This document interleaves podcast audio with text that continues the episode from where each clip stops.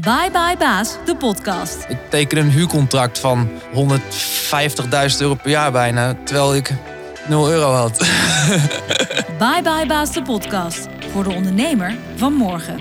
Als het slecht gaat, moet je ook daadwerkelijk uitspreken en met elkaar balen. Maar als het goed gaat, moet je dat met elkaar vieren. Weet je wel? Dus all in gaan. Ja, anders wordt het, wordt het te mellow, weet je wel? Bye Bye Baas, de podcast. Met Sebastian Gerkens en Anton van Lieshout. Welkom bij een nieuwe aflevering van Bye Bye Baas. Uh, Sebas, ik zit even te kijken, maar ben jij sportief bezig geweest de laatste tijd? Of, uh... Ja, ik laat me elke week afmatten door een kickbokstrainer, uh, Anton. Oké, ja. dat is het. Nou ja, precies. Ja, ik heb ook een abonnement op de sportschool. Maar uh, ja, die is dicht hè, geweest. Ja, dus, ja, precies. hey, vandaag is namelijk onze gast Jurre Grimberg. En uh, met een koksopleiding op zak was, zij, ja, was het eigenlijk helemaal nooit zijn bedoeling om een eigen gym te gaan starten. Maar een eigen restaurant. Maar dankzij waterpolo onder andere groeide zijn interesse in krachttraining. En zo koos Jurre ervoor om een opleiding te volgen aan het Centraal Instituut Opleiding Sportleiders. Het CIOS voor vakgenoten. En daarna deed hij ervaring op onder andere als zwemleraar, skileraar, personal trainer, noem maar op. Nou, met die ervaring groeide ook zijn ondernemersdrang. En uh, vandaar natuurlijk vandaag de gast in Bye Bye Baas. Jurre, welkom. Ja, dankjewel. Hey, uh, vertel even, wat voor uh, type ondernemer ben jij geworden door de tijd heen? Ja, waar ik vooral goed in ben, dat is eigenlijk de, een beetje de visie bepalen, kijken waar het naartoe gaat. De creatieve mind, waar we ideeën, veel ideeën, hoe we het zouden kunnen doen. Zeg je dan eigenlijk dat ondernemen moet je niet alleen doen? Dat moet je altijd met z'n tweeën doen? Ja, afhankelijk wie je bent. Maar mm-hmm. ik ben er wel achtergekomen dat ik het leuker vind om het samen te doen. Ja. ja, en dan bedoel je vooral dat je elkaars talenten kunt gebruiken. Dat je één in één is drie, zeg maar, voor elkaar krijgt. Precies, ja. ja. Okay. Hoe, hoe, vind je zo iemand dan, uh, Jure? Uh, nou ja, eigenlijk ben ik zelf begonnen. Hè. In, in 2015 ben ik zelfstandig begonnen. Uh, ik, uh, ik, was eigenlijk gewoon heel erg op zoek om iets te starten. Ik, het maakte niet zoveel uit wat. Ik wilde gewoon iets starten. En ik was toevallig al trainer geworden. Uh, en toen zag ik een advertentie staan. En ja, toen heb ik gereageerd. Dat was een man die had een pand gekocht. En die zocht onder andere een ondernemer die een gym wilde gaan starten daarin. En hij zei, even maar een plan in. Uh, dus nou, ik hele nacht doorgegaan. Enorm plan gemaakt en ingeleverd. En uh, nou, hij zei eigenlijk al vrij snel van wow, gaaf plan. En een week later hadden we eigenlijk al getekend. Mhm. Later hoorde ik dat er nog veel meer anderen ook gereageerd hadden. Maar jij was de snelste. Sowieso de snelste. En ik denk misschien ook wel het compleetste plan. uh, ja, gewoon puur vanuit enthousiasme. En niet, niet per se dat ik er zoveel verstand van had ik denk, als ik het plan zo lees, leek het wel alsof ik er heel verstand van had. je wist jezelf goed te verkopen. Dat is altijd het beste. Als het maar lijkt alsof je ergens verstand van hebt. Precies, ja. ja dus uh, nou ja, daar, daar eigenlijk gewoon best wel blanco begonnen en maar, en maar doen. Uh, ja, jouw vraag natuurlijk van hoe vind je dan een partner? Nou ja, die heb ik destijds niet gevonden. Maar ik ben wel op een gegeven moment uh, ben ik daar uitgegaan, uit dat pand. Waar ik dus initieel ben begonnen. En toen dacht ik eigenlijk van nou oké, weet je, ik ga ergens anders heen. Ik huur gewoon een pand. Een pand waar ik mijn ideaal concept neer kan zetten. En dat was eigenlijk eind 2019, zomer van 2019. Ja, en toen heb ik dat gewoon gedaan. En toen dacht ik, oké, ik moet ook een partner hebben. Ik moet ook extra geld aantrekken. En ik heb al een klantenbestand natuurlijk. Uh, ja, en als je gewoon overal het maar de wereld in helpt, waar je naar op zoek bent, dan komt het ook wel je kant op. Mm je zou kunnen zeggen, als het universum vraagt, dan, dan, dan komt het. Ik weet niet of dat het zo is, maar in mijn geval was het in ieder geval dat ik gelinkt werd aan mijn huidige businesspartner. Omdat hij eigenlijk op zoek was naar een partner en ik was op zoek naar een partner. Mhm. En ik had al een locatie en ik had al klanten en ik had al een concept. Een soort Tinder voor ondernemers, zeg maar. Het, uh... Ja, grinder voor ondernemers. grinder, ja. In dit geval wel. Ja, nee, inderdaad. Dus, man. Ja, dus zo werden we eigenlijk aan elkaar gelinkt. En uh, ja, diegene die ons gelinkt had, die wilde ons eigenlijk ook heel graag fitnessapparatuur verkopen.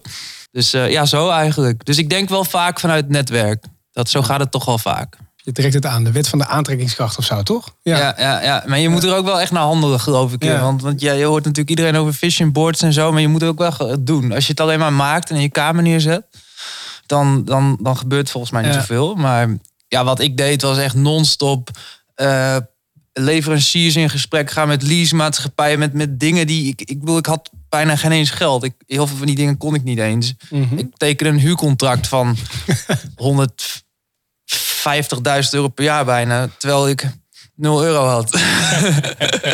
ja, dus je moet ook gewoon, ik zeg altijd, je moet je, je geld één stap voor zijn. Ja, maar het is ook gewoon durven. Hè? Het is ja, risico nemen aan de ene kant. Risico het is ook nemen, gewoon durven. Van, hè, met dat vertrouwen van ja, dat geld komt wel een keer om de hoek. Maar lig je daar dan s'nachts van wakker? Nee, nee, nee. Kijk, weet je wat het is? Je kan ook niet meer terug. En dat was voor mij ook goed, want ik had het één idee, en dan had ik het andere idee, en dan had ik het andere idee. Ik dacht, ik ga me gewoon uh, hieraan binden, weet je wel, ook financieel. En dan ga ik me hier wel aan vasthouden. Echt een stok achter de deur was dat voor je, die, uh, die lening. Hey, en uh, je vertelde net al eventjes van, oké, je zit nu inmiddels in een groter pand met eigenlijk uh, de ruimte om meer van jouw ideeën te realiseren. Maar laten we nog even terugstappen naar, uh, naar 2015, eind 2015, toen je, toen je met Arena Gym begon. Um, je zei, ik had in een, in een dag of in een nacht had ik een plan uitgewerkt. Was dat iets wat al heel lang in je hoofd zat? Of was het letterlijk dat je aan de keukentafel ging zitten met je laptop en, en het vloeide uit je vingers? Ja, eigenlijk vooral de laatste. Extra knap, toch? Ja. Ik was, uh, ja, je bent ondernemer of je bent het niet, volgens mij. Uh, en ik was fanatiek crossfitter. Ook van plan uh, wedstrijden daarin te gaan doen en zo. dat vond ik redelijk leuk tot leuk. En ja, toen dacht ik, oké, weet je, ik zit om de hoek van een CrossFit-box. Ik moet wel iets anders gaan doen. Uh, dus ik heb vooral gekeken naar nou, welke doelgroep zit daar dan. Dat gebied was voor mij onbekend. Dat is Amsterdam Zuidoost. Mm Ik dacht van oké, de ene sportschool onderscheidt zich omdat die goedkoopste is. Die omdat die de duurste is. Die omdat die exclusiefste is. Maar ik, ik onderscheid me eigenlijk omdat ik me richt op een bepaalde doelgroep. En ja, we hebben ook een aanbod, weet je wel. Maar we richten ons op een bepaalde doelgroep. Dat zijn namelijk de mensen die om ons heen werken. Zowel ondernemers als werknemers. En dat gaf eigenlijk wel een hele leuke dynamiek. Want in de kleedkamers werd vooral uh, kennis gemaakt. Wat voor werk doe je dan? En hing een hele andere sfeer. Omdat mensen eigenlijk uit hun werk, soms met collega's, soms zonder, naar de gym kwamen. En daar ja, eigenlijk collega's van andere bedrijven ontmoeten. En wij deden dan uh, fitness in kleine groepjes. Een beetje à la crossfit, geen officiële crossfit. Uh, zaktraining, dus kickboksen. Mhm. Eh, en yoga. En we hadden nog fysiotherapie. En dat eigenlijk allemaal in klein. Eh, dat klinkt bijna alsof je ehm, in plaats van sporten eigenlijk netwerken aanbiedt. Ja, en ook daar had ik dan weer hele mooie ideeën in. Uh, wat, uit, wat overigens nooit echt is gebeurd. Maar ik dacht ook van ja, ik moet eigenlijk een soort van netwerkclub worden hier. Is, is nog niet zover, wellicht nog voor de toekomst. Ik ben wel benieuwd, Ire, want van wat ik van je heb gelezen en wat ik tot nu toe van je allemaal heb gehoord. Het is het ene idee naar het andere idee hoeveel van de honderden ideeën die jij de wereld in uh, schiet, uh, worden ook werkelijkheid? Nou ja, dat valt eigenlijk best wel mee. Want ik heb gewoon, ik heb eigenlijk een viertal goede ideeën. daarnaast, dat, die ideeënmachine is wel een beetje gestopt toen ik die lening aanging. Oké, this is the max. we kunnen niks meer uitgeven. ik dacht gewoon, weet je, je bent verantwoordelijk voor je bedrijf. In goede tijden en in slechte tijden. En je moet het gewoon tot een succes maken. Of het nou wel of niet leuk is. Maar ik heb wel altijd die verantwoordelijkheid genomen. En uh, nee, dus Arena Gym is het enige idee dat dat tot nu toe uh, werkelijkheid is geworden. Mm -hmm. En ik ga nog wel een aantal andere ideeën tot werkelijkheid maken in de toekomst. Maar dat zullen er niet honderden zijn. Focus. Focus is belangrijk. Ja, focus. En kijk naar alle succesvolle ondernemers. Ik bedoel, los van Richard Branson, die wel uh, 200 ideeën tot een succes heeft gemaakt, gaan de meeste ondernemers moeten heel blij zijn als ze twee of drie of vier bedrijven tot een echt succes hebben gemaakt. Is die focus, is dat, is dat nou een typische sportmentaliteit? Nou, nu, ik, ik ben nu uh, weer fanatiek aan het trainen ook. En bevind me in een omgeving met veel topsporters ook. In mijn huidige gym. Um, dus ik zit eigenlijk nu pas heel erg in dat wereldje om, op echt op dat niveau. En dan, zou, dan kun je het inderdaad wel echt goed met elkaar vergelijken van, oh, ben ik wel goed genoeg? Oh, ik zie het even niet meer zitten. Altijd focus houden, ook als het slecht gaat. Dus ja, dat, ja, dat denk ik wel. En, en, wat je net zegt over, over hè, werken met sporters zelf in het wereldje zitten, die vergelijking met het ondernemen, um, er zit ook veel onzekerheden in. Hoe, hoe deal jij daarmee dan? Oh, ja, prima. Ik, ik kan me heel goed dingen van me afzetten. Ja, te goed soms. Beetje struisvogelgedrag vertoon ik mhm. dan. Uh, dus je moet eigenlijk wel, als dingen natuurlijk niet goed gaan, moet je ze aanpakken. Ondertussen ook een beetje de andere kant op kijken, zodat je in een positieve flow blijft. Maar ik, ik kan ook goed de andere kant op kijken. En dan laat ik dat wat niet goed gaat gewoon helemaal uh, nog slechter gaan. Ja. en heb je daar een voorbeeld van? Wat, wat was zo'n situatie in de afgelopen jaren dat je zegt, nou, toen keek ik gewoon weg, maar ik had eigenlijk gewoon het met uh, de koe bij de horens moeten vatten? Ja, nou, ik denk het beste voorbeeld is denk ik dat ik eigenlijk een gedegen start heb gemaakt. Als in, ik had een goed plan, ik had ruime financiering, dat is allemaal gelukt. Uh, een goede deal gemaakt met, met de huidige, de, destijds de huidige verhuurder. Mm uh, ook financiële doelstellingen gemaakt en zo. En toen, ja, dan zie je natuurlijk altijd dat het anders loopt dan dat je had geprognosticeerd. En ja, wat ik toen eigenlijk fout heb gedaan, is dat ik niet heb bijgesteld. Geld uitgeven zonder dat je dat opnieuw in je berekeningen hebt neergezet, dat is eigenlijk best wel risicovol. En kwam dat omdat de lat te hoog lag? Of uh, waren de inkomsten gewoon te laag? Of waar, waar zat dat in dat je je plan eigenlijk had moeten bijstellen? Mm, nou, een hele belangrijke eerste ding, dat, dat was dat de verbouwing uitliep. Uiteraard, dat gaat altijd zo. En die verbouwing werd niet echt door mij gemanaged. Ja, en dan ben je toch open, weet je wel. Je maakt toch kosten. Ik heb toch ook trainers aangenomen die ik moest betalen. Terwijl er eigenlijk niet zo heel veel was te doen. Want er was ook nog niet zo heel veel... Uh, ja, er waren nog niet zoveel klanten. Mm en dan uh, midden in een les ging het alarm af. En dan kwamen weer drie elektriciëns binnen. En dan had ik net alles schoongemaakt. En dan was alles smerig. En die klanten dachten, wat de fuck is dit hier? Ja, ja dus dat was echt wel een uh, bizarre tijd, dat eerste jaar. Ja, en, en dan, ja, dan, dan gaat je geld ook snel op. Dan zie je dus inderdaad dat die nullijn in zicht komt. Hè? Eh, het geld uh, verdwijnt als sneeuw voor de zon, uh, zoals ik je wel eens ooit heb horen zeggen. Mhm. Hoe stel je dan dat plan van je bij? Idealiter ga je gewoon opnieuw kijken van oké, zoveel geld op de bank. Um, ik zit nu nog zoveel euro onder break-even, dus ik brand nog zoveel op. Dus je gaat gewoon je exploitatiebegroting en je liquiditeitsbegroting aanpassen.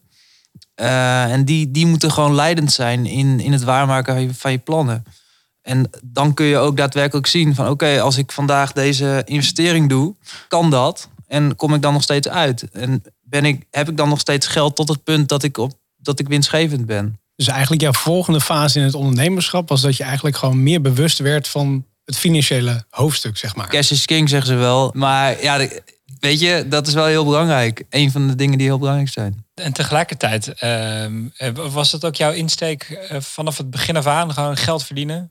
Ehm, nee, op zich niet hoor. Nee, nee dat, dat is eigenlijk nooit de drijfveer geweest. Uh, natuurlijk zie ik wel een toekomst voor me waarin ik financieel onafhankelijk ben. ja, dat zou iedereen eigenlijk moeten nastreven, is mij vraagt. Maar initieel wilde ik eigenlijk gewoon niet voor een baas werken. En had ik gewoon allemaal eigen ideeën. Uh, die ik waar wilde maken. En dat is nu nog steeds. De grap is natuurlijk dat je wel een tijd voor een baas hebt gewerkt. Dat was in de tijd dat je iets heel anders deed. Namelijk, ja. uh, je werkte in een restaurant. Ja, een Spaans tapasrestaurant. Ja. Hoe ben je daar zo beland? Ja, ik ben eigenlijk begonnen toen ik 15 was. Uh, als afwasser. Starteiland in Sneek. Waar ik dus ook geboren ben in Friesland. En ja, ik vond het eigenlijk gewoon prachtig om hard te werken.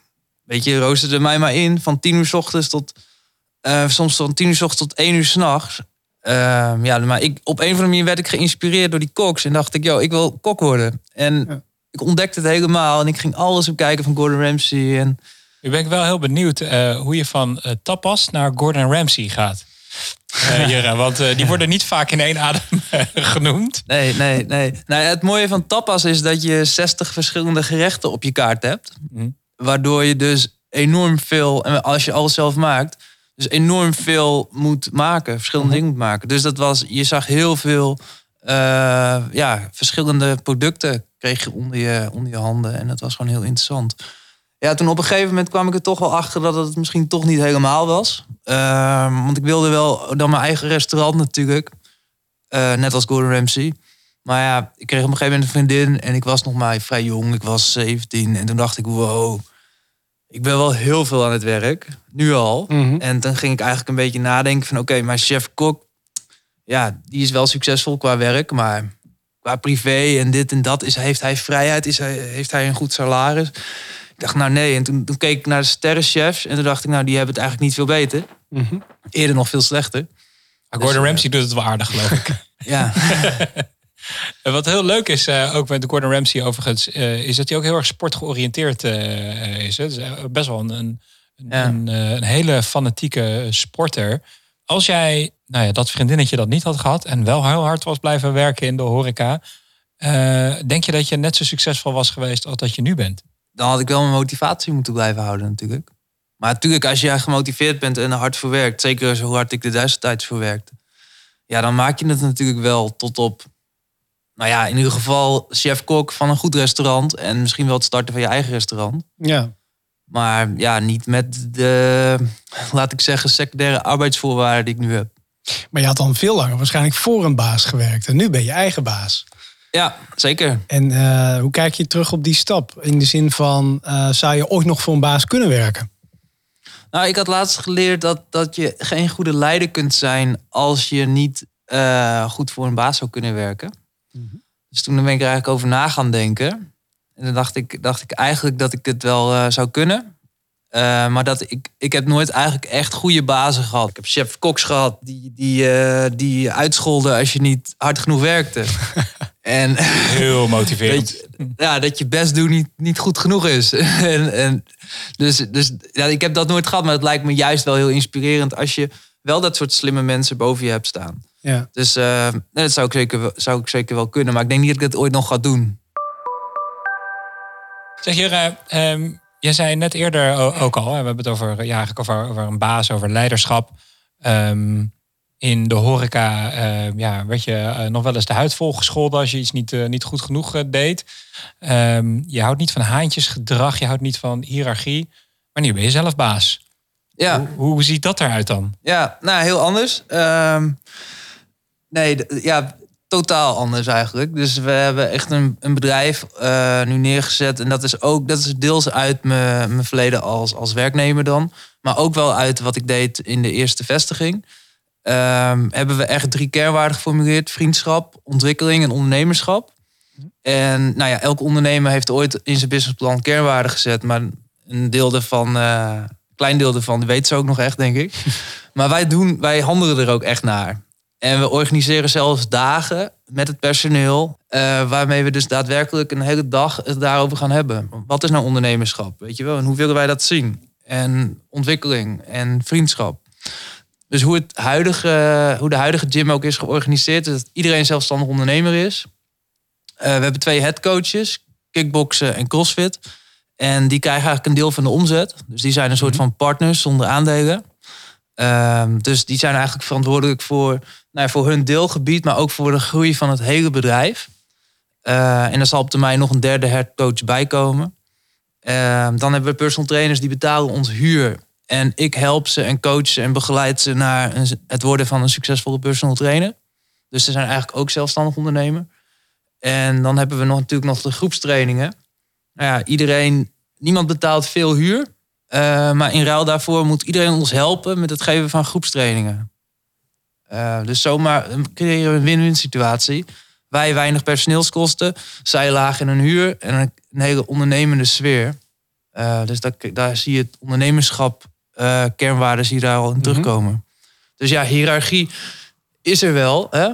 tuurlijk, maar niet heel erg. Bijten die, ja, die, die voorwaarden wel eens met elkaar? Uh, vriend, vriendschap en, en ondernemen bijvoorbeeld. Ik kan me voorstellen dat dat soms nog wel eens elkaar in de voet schiet. Ja, dat klopt. Ja, dus het is wel, dat is wel in de gaten houden, want je wil natuurlijk wel je doelen halen. En dan moet, er soms, moet je ook wat directiever optreden. En dat is misschien, staat het wat verder af van vriendschap. Uh, maar ja, dan brengen we in die dagen, en brengen we dan ook naar voren van, nou ja, weet je, als vrienden vertel je ook al waar het op staat. Hè, dat moet kunnen. Juist omdat die vriendschap zo sterk is, moet de, moet de rest ook kunnen. Nou, het klinkt eigenlijk best wel als een soort van ideale situatie. Want gaat het goed met het bedrijf, vier je het samen. Gaat het slecht met het bedrijf, ga je allemaal extra die schouders eronder zetten. Alleen ik kan me ook voorstellen dat op een gegeven moment, als het heel succesvol is of, of, of, verloopt allemaal, dat er ook bepaalde jaloezie misschien om de hoek komt kijken. Hoe ja. sterk zijn vriendschappen bijvoorbeeld in zo'n kader? Ja, ja dan, dan zetten we iedereen gewoon netjes op payroll. Gaan we, nee, gewoon. nee, um, ja, het zou kunnen. Ik hoop dat we ooit op dat vlak komen. Of daar gaan ja. we zeker komen. Uh, maar ja, je moet gewoon goed, je moet de modellen goed doorrekenen. Hè? Dus als je vol zit, hoe ziet het er dan uit? Hoeveel euro's krijgen ze dan? Hoeveel euro's krijgen ze dan? En dan moet je eventueel plafondbedragen met elkaar van tevoren afspreken. Dus dat is allemaal gecoverd. Weet je, we gaan gewoon uit van, uh, nou ja, van als we straks helemaal vol zitten, je doet anderhalf miljoen omzet, hoe, hoe ziet dat er dan uit? En wat krijgt dan wie? En zijn de verhoudingen dan niet scheef? Om in sporttermen te praten, heb je al een keer de gouden medaille qua omzet kunnen uitdelen? Of uh, zitten we nog op brons? Nee, nee, nee, we zitten zeker op brons. Ja. En, en wat is er voor nodig om, om, om uiteindelijk goud binnen handbereik te krijgen? Eigenlijk ging het best wel goed, hè? Ik, ik, had, ik, ik had het eigenlijk wel mooi voor elkaar, want het was, uh, het was gelukt. Hè? Een, een, een, pand gehuurd dat ik niet kon betalen. Uh, een partner vinden en financiering aantrekken, dat het allemaal in één keer wel kon. Dus dacht ik, nou, nice. En toen, een paar maanden later, kwam het corona, toen moesten we dicht. Ja. Um, dus ja, dat is natuurlijk, maar ja, dat zeg ik, je bent verantwoordelijk voor je bedrijf in goede en in slechte tijden. Dus ja, nu moeten we weer eventjes, weer eventjes opnieuw gaan opbouwen. Dus we hebben een outdoor gym gemaakt, zodat we weer kunnen groeien. Outdoor mag je wel het een en ander doen, dus dat doen we ook. Um, dus ja, we groeien nu eigenlijk best wel hard. En we hopen dat er zo snel mogelijk natuurlijk alles weer terug is naar normaal. En dan kunnen we natuurlijk al die mensen die we nu aantrekken vanuit die outdoor gym meenemen naar binnen. En dan kunnen we straks hopelijk twee keer zo snel groeien. Uh, zodat we ook die gouden medaille dan kunnen uitdelen aan omzet. Je had het net over die partners uh, ook. Eigenlijk die, die, die samenwerking van vrienden, ondernemen. Uh, heb je daar wel eens iemand uh, tussen gehad die niet in dat groepje past eigenlijk? In de vorige gym heb ik wel een beetje geëxperimenteerd met verschillende manieren van samenwerken en ook met verschillende personen. En ik moet zeggen dat het nu eigenlijk een stuk beter gaat. Daar hebben we ook geluk mee gehad. We hebben echt de, een van de beste kickbox trainers van Nederland. Die is onze headcoach. En die traint ook de top van Nederland. Uh, dus ja, dat is heel interessant. Dus we zoeken echt trainers met, eh, die, we, die, we, die matchen in, in de cultuur die we hebben. Maar die ook echt een verhaal hebben. En het mhm. liefst in, in de top meedraaien of meedraaien dun. Uh, dus ja, we hebben er eigenlijk een duidelijk profiel dat we zoeken. En als die daar niet invalt, dan, uh, ja, dan zeggen we ook gewoon, nou, dit gaat niet werken. Want jij moet vooral de meesten moeten vooral hun eigen business genereren. Ik zeg, als jij verwacht dat ik jouw klanten ga geven en dat jij die dan training kan geven. Ik zeg, dat, dat ben ik niet. Dat zijn wij niet. Dat doen we hier niet. Maar mijn ervaring is wel dat de, de beste trainers hebben vaak hun eigen visie. En die willen dat willen ook niet anders. Die bepalen hun eigen tarieven.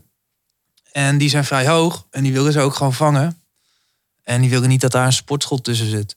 Maar hoe krijg je dan dat toptalent zover om juist bij jou aan de slag te gaan? Nou ja, eigenlijk vooral, uh, vooral via de headcoaches op dit moment. Want zij hebben eigenlijk meer credibility richting hun dan dat ik mhm. dat heb. Uh, en ik zie zij mezelf, zijn jouw ambassadeurs eigenlijk. Eigenlijk wel, ja. En ik zie mezelf als facilitator eigenlijk. Uh, dat de huur betaald wordt en dat de kachel aanstaat. En dat, dat er een, een gym is met leden.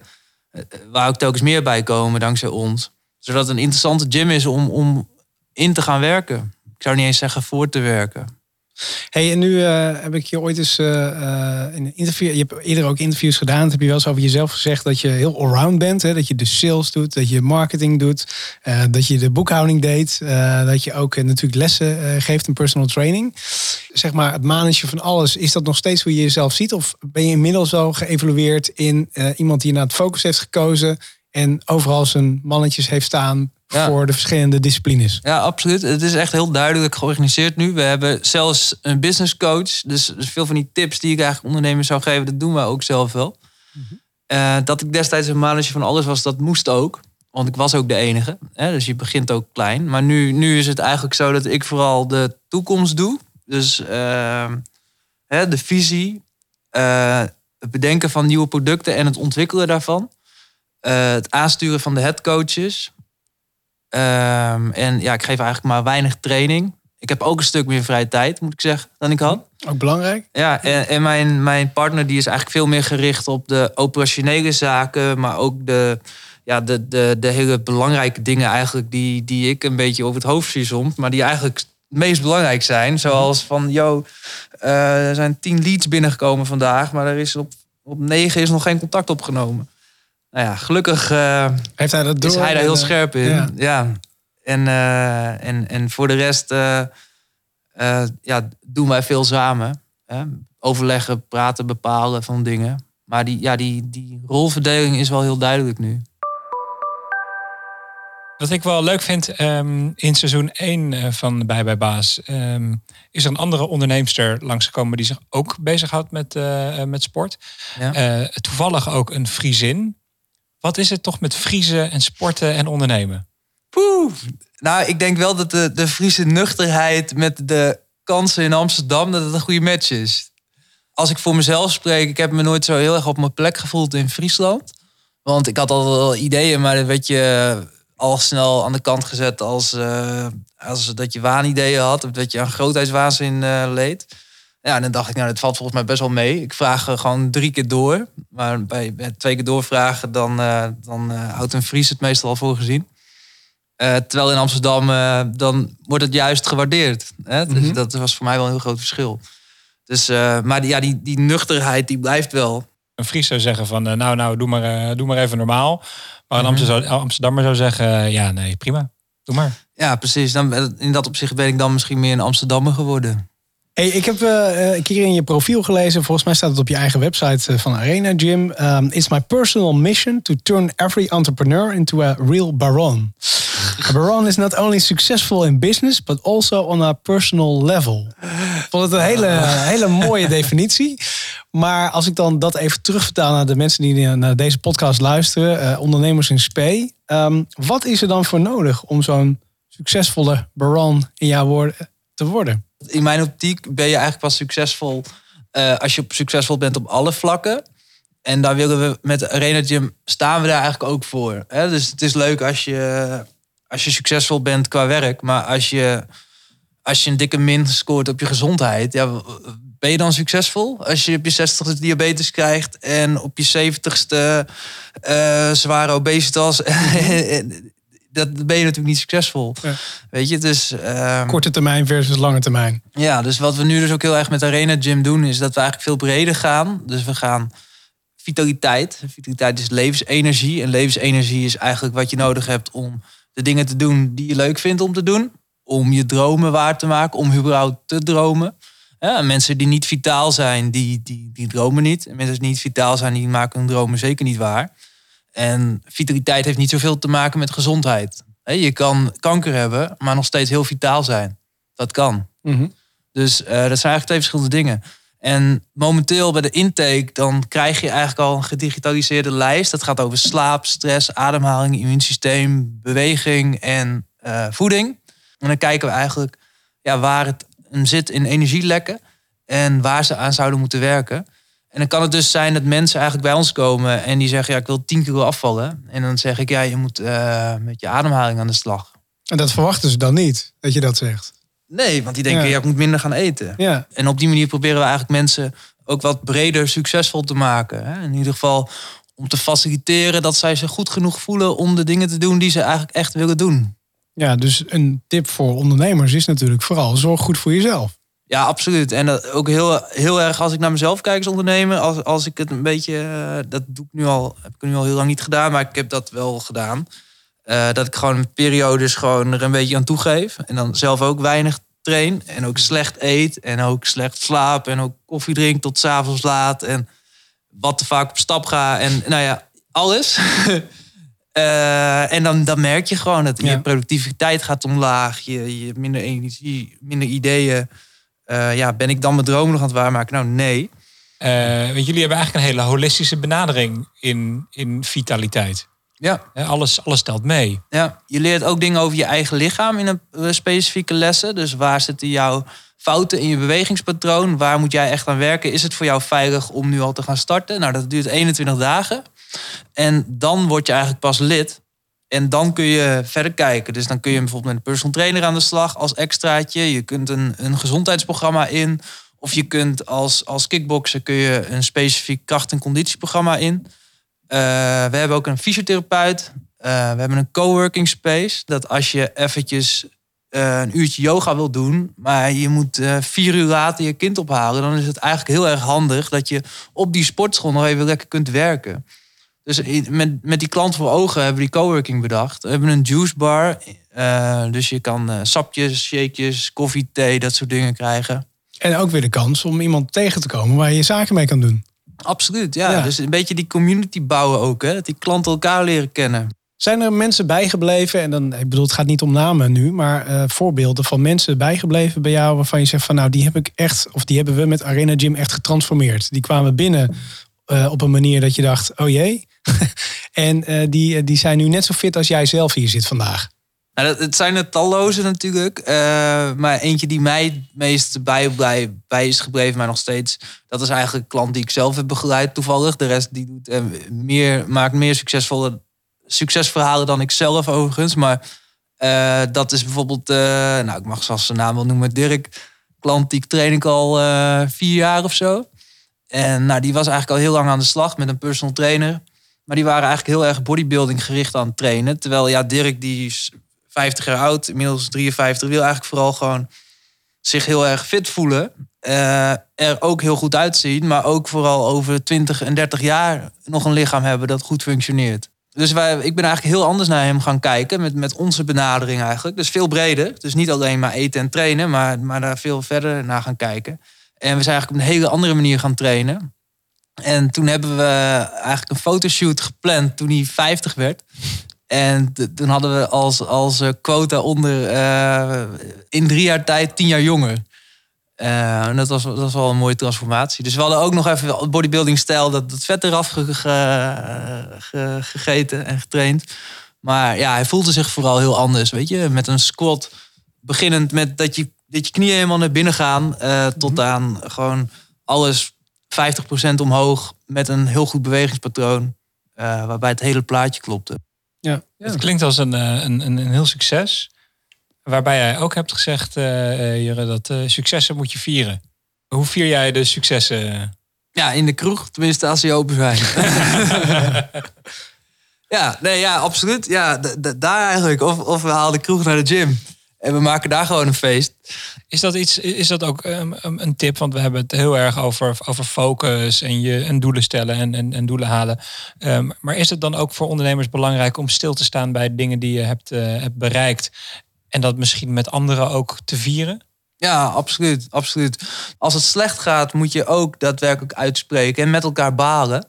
Maar als het goed gaat, moet je dat met elkaar vieren. Weet je wel? Dus all in gaan ja, anders wordt het, wordt het te mellow, weet je wel. Dan, dan, dan gaat er energie uit het bedrijf en uit het, uit het personeel, uit de trainers.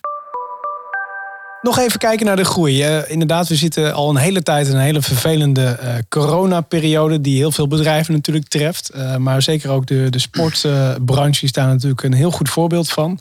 En naast de luchtvaart natuurlijk ook waar jij mee te maken hebt gehad. Um, maar hoe zie jij de groei voor Arena Gym in het komende jaar voor je nog? Wat ik nu letterlijk zie, is dat we 50 mensen per maand inschrijven de outdoor gym. Uh, dus omdat we gewoon weg een van de weinige gyms zijn die dat biedt. Maar ja, ik denk dat we in ieder geval voor de zomer wel weer open mogen. En dat we dan, uh, ja, dat we dan hard gaan groeien. Omdat we gewoon alle corona-kilo's moeten eraf. Ik denk mensen snel weer aan de gang willen. Ja. Dus ik denk dat we alsnog dit jaar wel een mooie, mooie plus gaan maken in, in, in het groeien van leden. Alhoewel het nu natuurlijk ongeveer 1000 euro per dag kost dat we dicht zijn. Ja, dus dan ben je 30.000 euro grofweg per maand kwijt. Die 1000 euro per dag die je normaal die het kost, dat is gericht op het missen van uh, jaarabonnementen. Want een jaarabonnement levert daadwerkelijk geld op. Hè? 750 mhm. euro. Maar dat er groei in het vat zit, de weg van brons naar zilver en uiteindelijk goud, dat is duidelijk.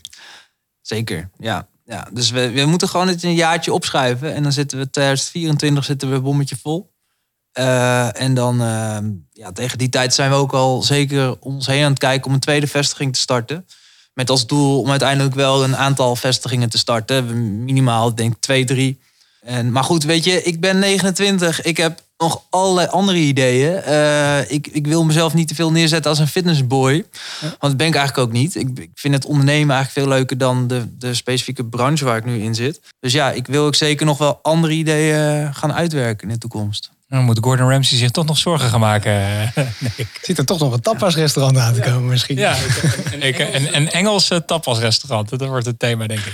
Jor, je klinkt uh, uh, ja, eigenlijk heel erg um, enthousiast over het ondernemerschap. Ik denk dat je tevreden terugkijkt op de stap dat je uh, destijds die ontzettend hoge lening voor, voor de huur van het pand bent aangegaan en andere zaken. Mm Als je nu op de afgelopen jaren terugkijkt, zijn er zaken waarvan je zegt van nou, dat wil ik absoluut nog eens even aanstippen. Want dat, als ik dat nu vertel, dan kan ik daarmee eh, toekomstige ondernemers bijvoorbeeld behoeden voor een bepaalde valkuil of uh, bepaalde tegenslag. Zeker. En dat is vooral zorg dat je een omgeving om je heen hebt die jou helpt om je plan waar te maken. En die je dus ook aanspreekt op het moment dat je niet het juiste gedrag vertoont. Dus elke ondernemer, want anders ben je per definitie geen ondernemer, die kan eigenlijk een plan maken. Een heel mooi plan. Maar er hoort ook een bepaald gedrag bij met taken die je structureel uh, dag na dag na dag uitvoert. Dus trek een goede partner aan, trek een goede business coach aan. Zorg dat je mensen in je netwerk hebt die, die verstand van ondernemen hebben, die het alles hebben gedaan. En, en speel open kaart, totaal open kaart met iedereen. Met die relevante mensen in ieder geval. En uh, ja, trek ook aan de bel als het niet goed gaat. Als je niet je doel haalt. Um, en dan, uh, en dan ja, wat ik in het begin al zei, pas dan ook je plan aan. Weet je, eerst dromen en dan daarna vooral realistisch zijn. Bye Bye Baas is een productie van Sebastian Gerkens en Anton van Lieshout. Beluister alle afleveringen via byebybaas.nl en abonneer je. Dan blijf je op de hoogte van de nieuwste afleveringen.